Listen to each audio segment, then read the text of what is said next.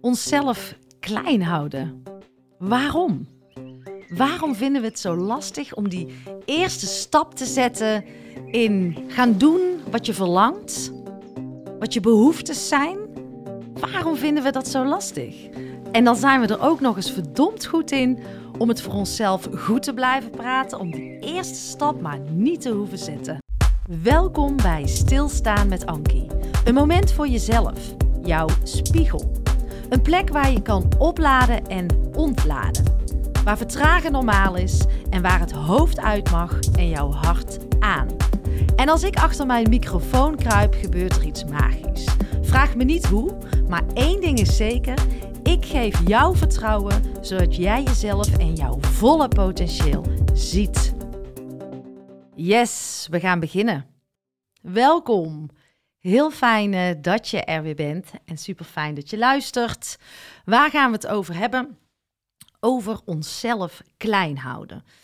En dat kan echt op allerlei niveaus spelen. Je behoeftes niet uitspreken, uh, niet doen wat je echt verlangt, um, de zichtbaarheid niet zoeken die je wellicht misschien van binnen heel graag wil. En niet iedereen um, wil met zijn hoofd op de socials of uh, wil vloggen of weet ik veel wat. Maar we houden onszelf te vaak klein. En voor mij was het ook echt een heel proces om steeds zichtbaarder te worden. Maar het verlangen zat er wel. Maar je kan jezelf klein houden op je werk. Door iets niet uit te spreken. Ook in je relatie kan je jezelf klein houden. Je kan jezelf klein houden bij je vrienden. Um, klein houden in ja, eigenlijk door niet te doen wat je van binnen dus echt wel wilt en waar je naar verlangt. En waar we super goed in zijn, is dat dan ook voor onszelf toch goed te praten op de een of andere manier, om dat verlangen, wat er speelt, op welk niveau dan ook, om dat dan niet aan te hoeven gaan. En ik zei zojuist al, ik had een verlangen om zichtbaarder te worden. Maar daarvoor zat een heel ander verlangen. En dat is om veel meer het pad van mijn hart te gaan volgen. Ik zat op een plek en ik had het daar echt wel prima naar mijn zin. Maar het gaf me geen voldoening meer. Um, ik verdiende goed, maar zelfs dat gaf ook absoluut geen voldoening. Ik wilde meer van betekenis kunnen zijn, uh, meer op een positie zitten waar ik het verschil mee mocht gaan maken.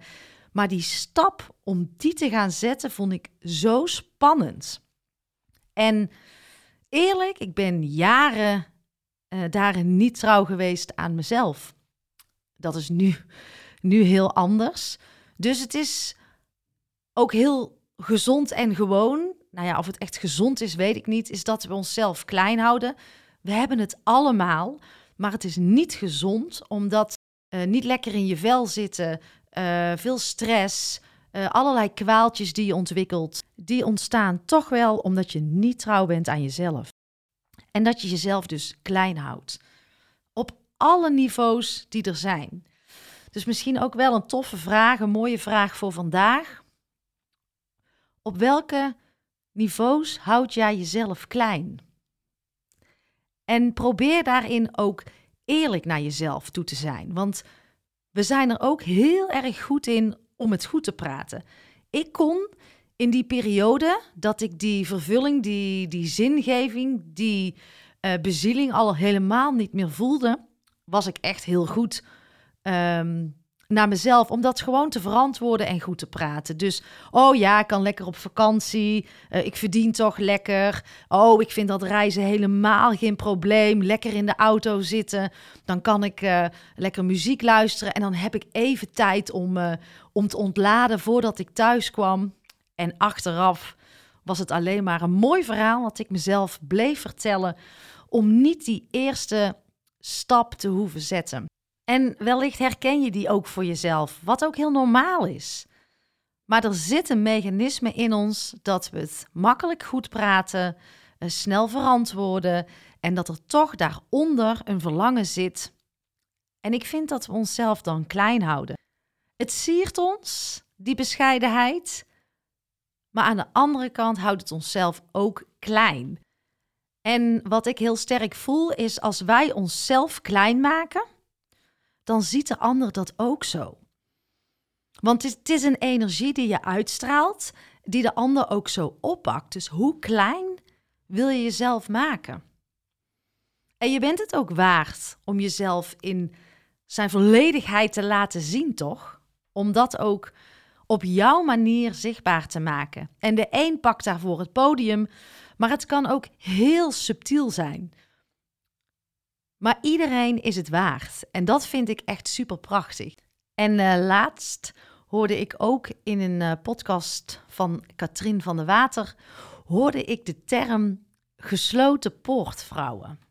En als iets mij bijblijft, als iets in mijn gedachten blijft, in mijn systeem blijft zitten, dan is het vaak iets waar ik nog iets mee mag. Soms heb ik ook echt geen idee wat dan. Maar laat ik eens beginnen om het hier met jullie te delen. Want ik vond dat wel een interessante term. Gesloten poortvrouwen. Dat zijn vrouwen in, in de villa-wijken die uh, achter de gesloten poort leven. Waarvan de man werkt, CEO, bestuurder, um, altijd druk, bezig is met veel geld te verdienen.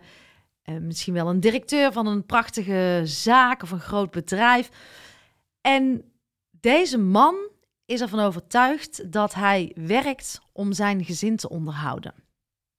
Terwijl achter die gesloten poort speelt er zich van alles af. De vrouw ervaart geen zingeving, geen bezieling, um, doet niet hetgeen waar ze echt gelukkig van wordt, zitten samen in een gouden kooi vast. Nou, hoe erg is dat? En het gaat nu even over de vrouw achter de gesloten poort, maar het zou net zo goed ook een man kunnen zijn. En ik, wat bij mij echt opkwam toen, dat ik dacht, bestuurder, uh, beste CEO'er of directeur van een, van een prachtige zaak, zijn wij onszelf ervan bewust dat dit mogelijk kan spelen? Laatst hoorde ik ook nog iemand tegen mij zeggen: Ja, ik heb echt gewerkt om mijn gezin te onderhouden. Daarvoor werk ik hard. Maar hebben jullie dat ooit wel eens echt samen besproken? Of houden jullie jezelf daarin ook veel te klein?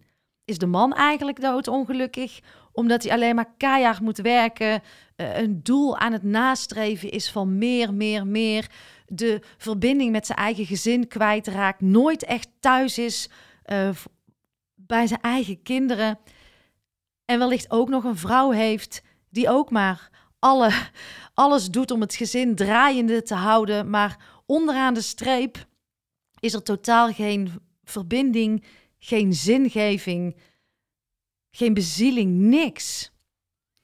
Zouden we ons die vraag durven stellen? En tegelijkertijd, als je altijd weg bent, altijd aan het werk, wat straal je uit naar je gezin, maar wat straal je ook uit naar je eigen mensen in jouw bedrijf? Als ik bij bestuurders aan tafel zit, wat mij opvalt, die agenda. Er is niks te plannen. Die agenda zit zo propvol. En ergens voelt het voor mij zelf zo dat ik daar helemaal niet meer aan mee wil doen. Ik moet daar bijna een beetje om lachen. Ik denk van, jee, is dit dan het leven wat je hebt? Van afspraak naar overleg, rennen. En waar is de connectie met jezelf? En waar is de connectie met degene om je heen? En wat straal jij uit? En als we het dan over werkdruk hebben, als we het dan mogen hebben over meer stilstaan, dan begint dat volgens mij zelfs bij de leidinggevende, de bestuurder, de CEO. Hoeveel impact heb jij als jij veel meer rust uit gaat stralen? Als jij stopt met die overvolle agenda's, als jij stopt met rennen. Wat zou er dan gebeuren? En als jij ook meer tijd krijgt voor jouw werk-privé-balans, zodat jouw partner, en in dit geval is het de vrouw, de gesloten poortvrouw, maar laten we het eens hebben over jouw partner, ook de ruimte krijgt om een stukje zingeving te ervaren. Wat gaat er dan toch gebeuren? Als ik iets om heb kunnen draaien in mijn leven, is het de eerste tien jaar van mijn moederschap. Want ik vond dat ik moest werken. Ik vond dat ik moest doorgaan. Als ik een volle agenda had, deed ik mee. En dat was niet alleen voor mijn werk, maar ook nog eens in de weekenden. Meer, sneller, drukker, voller. Het hield niet op. Ik zat in mijn eigen hamsterwiel. Ik rende achter mijn eigen staart aan. En waarom? Om ook nog eens werk te doen waar ik diep van binnen niet echt happy mee was. En ik was ook de connectie met mijn gezin een beetje kwijt. En tuurlijk ben ik super dankbaar geweest dat mijn man veel heeft opgevangen, maar ik zag dat echt als een vanzelfsprekendheid. En niet de vraag: wat wil jij? Waar word jij echt blij van? Dus hier was ook een vorm van een gesloten poort. En dan houden we onszelf eigenlijk op alle niveaus ook weer klein. Ik deed iets waar ik niet super blij van werd. En mijn man ehm, deed dit ook wel, tuurlijk. Hij was daar super, super happy mee. En hij is als een vis in het water, als een papa thuis. Maar nu merk ik, sinds ik een stap terug heb gedaan. En dus uh, het pad van mijn hart echt te gaan bewandelen. Hij ook een heel ander pad is gaan bewandelen. Want nu is er ook ruimte voor hem. Hij was ook niet alleen maar papa. En ook het pad van mijn kinderen is hierdoor anders geworden. Een dochter van tien jaar die tegen mij zegt, op het moment dat ik het roer omgooi: Mama, wat heb jij prachtige talenten. En ik kan er serieus emotioneel van worden als ik dit nog vertel, maar er is meer dan werken. En doordat ik definitieve keuzes ben gaan maken, is er iets geswitcht en op wat voor niveau weet ik niet. Maar er is iets geswitcht bij mijn man en bij mijn kinderen. En het verhaal wat ik mezelf altijd vertelde.